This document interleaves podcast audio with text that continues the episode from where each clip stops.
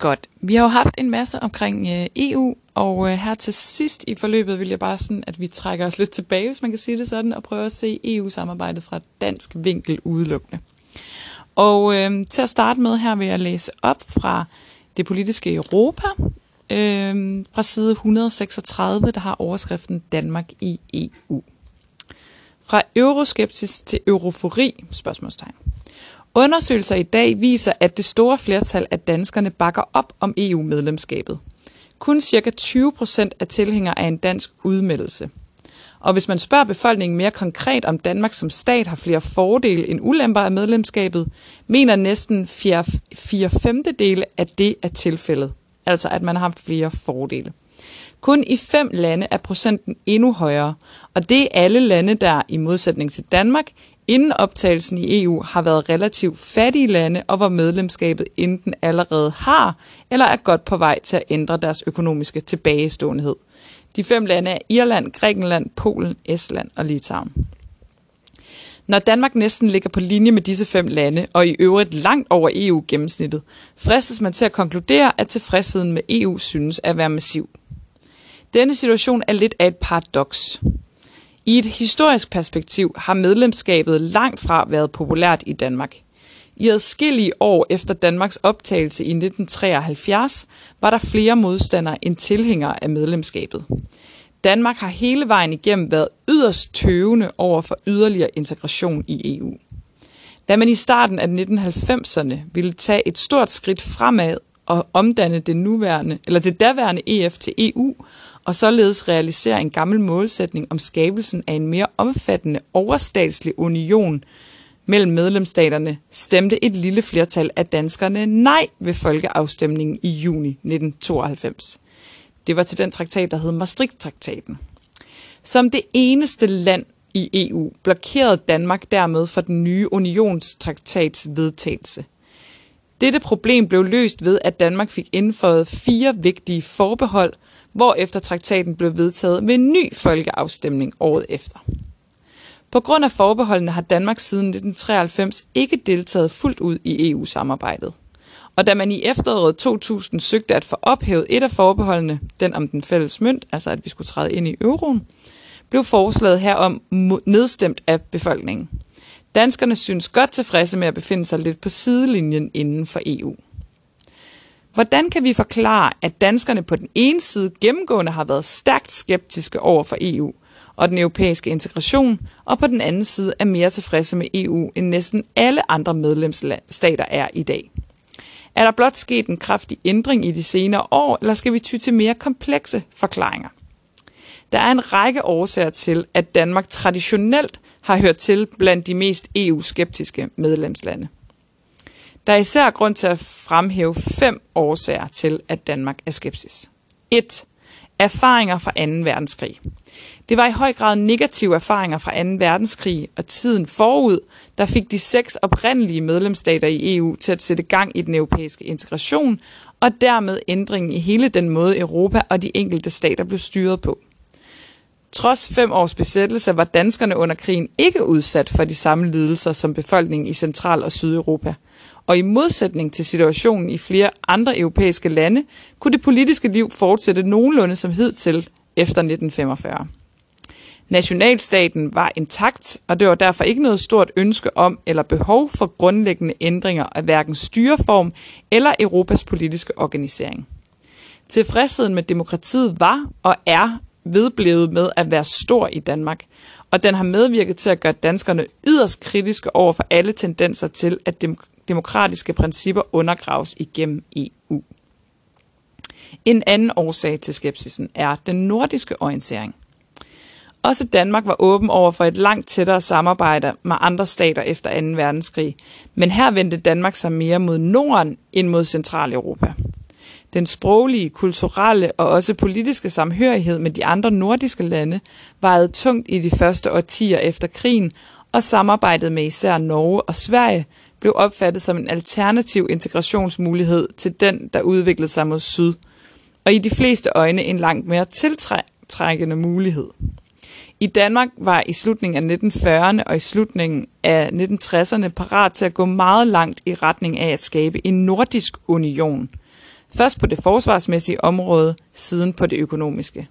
Men hver gang faldt forhandlingerne herom til jorden.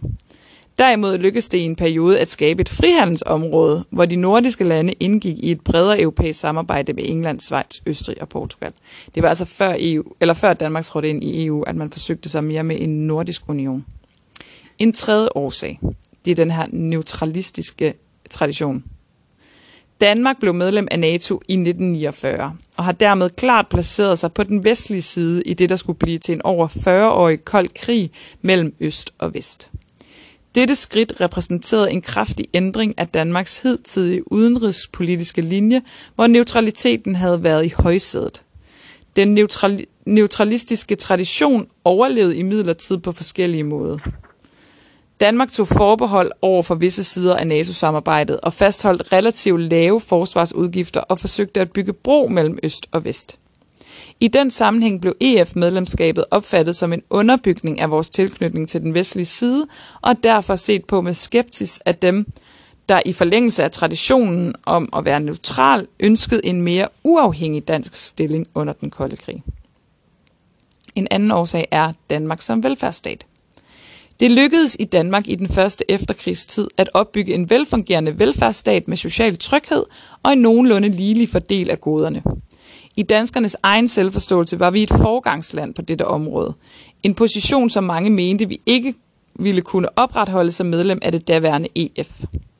Overstatsligheden ville tvinge Danmark til at harmonisere velfærdslovgivningen på et lavere niveau, og de grænseoverskridende frie markedskræfter, som organisationen byggede på, risikerede at gøre Danmark til et mindre udviklet udkantsområde. Og til sidst er der det her småstatsargument.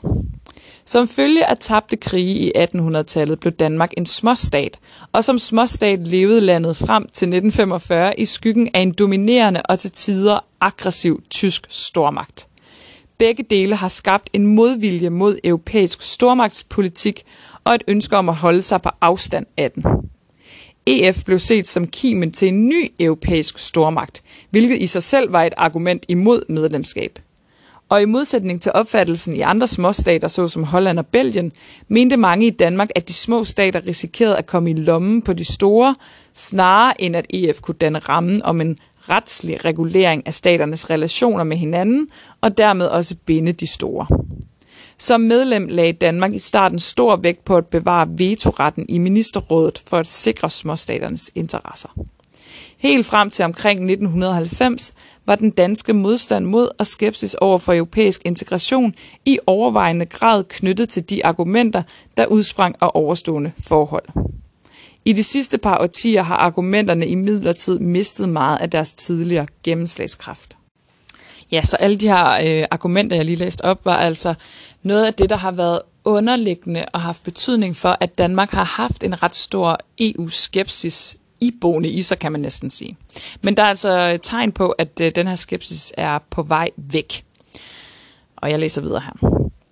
2. verdenskrig er nu så meget på afstand, at erfaringer herfra ikke længere spiller nogen sønderlig rolle for holdningen til EU. Det nordiske alternativ er blevet grundigt begravet, ikke mindst efter at både Sverige og Finland er optaget som medlemmer i EU. Den kolde krig er overstået, og til med har EU optaget vestens tidligere fjendelande i Østeuropa som medlemmer. Europa er blevet helet under EU's paraply, og både velfærdsstats- og småstatsargumentationen undergraves af globaliseringen og den stigende afhængighed staterne imellem. Der er en voksende erkendelse af, at opretholdelsen af velfærden i Danmark er stærkt betinget af et tæt samarbejde med andre europæiske stater – samtidig med at frygten for en velfærdsharmonisering ikke har vist sig at være begrundet. Det hænger blandt andet sammen med, at integrationen ikke har nået det omfang, som mange modstandere af EU forestillede sig. Samtidig har det vist sig, at Danmark på trods af sin status som småstat ganske effektivt har kunnet varetage sine interesser inden for EU, og også har kunne præge samarbejdet ud fra danske synspunkter. Diskussionen om EU er derfor en anden i dag, end den har været tidligere. Baggrunden for den traditionelle modstand og skepsis er i vid udstrækning forsvundet. Den øgede opslutning bag EU i den danske befolkning har altså kan altså forklares med mange af de ændringer, der er sket i de senere år. Men på trods af alle rationelle argumenter for EU, herunder de påviselige fordele Danmark høster af medlemskabet, er der i hvide kredse en underliggende modvilje mod afgivelse af yderligere formel suverænitet. Og mod selve EU som en fjern og byråkratisk organisation.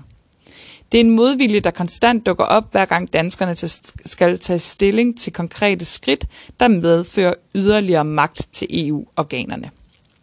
Årsagen hertil kan hænge sammen med, at nogle af de fem forhold nævnt overfor har en sejlivet karakter. De gamle argumenter ligger altså stadig gemt et eller andet sted under overfladen. Men det hænger til sydenladende også sammen med en række generelle træk ved Danmark og danskerne. Træk, der kun vanskeligt lader sig udviske eller ændre. I undersøgelser af, hvilke værdier, der præger de europæiske befolkninger, er det blevet påvist, at danskerne er det folk i Europa, hvor autoritet betones mindst, og selvstændighed til gengæld højst. Altså, vi synes, selvstændighed er væsentligt at foretrække frem for, øh, for autoritet. Det kan være med til at forklare uviljen mod at overlade magt til fjerne instanser, som den enkelte kun har beskeden indflydelse på. Og det kan også forklare, at danskerne i forbindelse med folkeafstemninger kun i ringe grad lærer sig vejlede af de politiske partiers anbefalinger. Det generelle mønster er nemlig sådan, at ved afstemninger til EU er der en langt større ja-procentdel i Folketinget end i befolkningen. Der er altså mange flere politikere, der er meget mere tilhængere af EU, end man ser i selve befolkningen. Værdiundersøgelserne har også vist, at danskerne ligger i toppen, hvad angår national stolthed at de ligger langt under det europæiske gennemsnit, hvad angår geografisk orientering mod Europa og verden, og at de i forhold til andre europæiske befolkninger har langt større tillid til nationale institutioner end til internationale. Denne tilfredshed med den nationale og den tilsvarende bekymring for det overnationale kan forklares med historiske forhold. Det fremgår af det foregående, at man kan operere med to lag i den danske holdning til EU – hvor den ene tilsiger en overvejende positiv, og det andet en overvejende negativ stillingstagende. Det første og mere overfladiske lag er præget af rationelle og pragmatiske argumenter. Her kan man både se øh, fordelene ved samarbejdet, både for et Danmark og for Europa som helhed, og man erkender, at mange politiske spørgsmål bedst kan løses i fællesskab. Det er altså det her, når vi taler om, at der er rigtig mange i Danmark, der egentlig ser en fordel i EU, at vi er positivt stemt over for EU, så handler det meget om, jamen vi kan, vi kan sådan helt reelt godt se, at der er nogle fordele for Danmark ved at være en del af det her politiske samarbejde. Så derfor er det selvfølgelig godt nok. Men så er der det andet lag her, hvor der alligevel er den her negative, eller den her skepsis over for EU-samarbejdet. Det andet lag stikker dybere i det, det vedrører følelserne og nogle mere grundlæggende måder at orientere sig over for omverdenen på. Dette lag bliver vagt til live, når der skal træffes større beslutninger, som vigtige skridt mod yderligere integration, og det vil typisk være traktatændringer, eller når nationale symboler anses for truet i forbindelse med nye suverænitetsafgivelser. For eksempel, da vi skulle stemme om euroen, vil man opgive kronen, den danske krone, til fordel for euroen. Lige pludselig handlede det måske ikke så meget om rationelle argumenter, men mere om sådan nogle følelsesmæssige argumenter, at man ikke ønskede at afgive det her nationale symbol, som kronen jo er. Især debatter op til Folketingets afstemninger er egnet til at mobilisere det andet lag, altså det her negative lag, mens det første dominerer i det daglige, hvor politikere og embedsmænds løsninger af konkrete problemer står i centrum.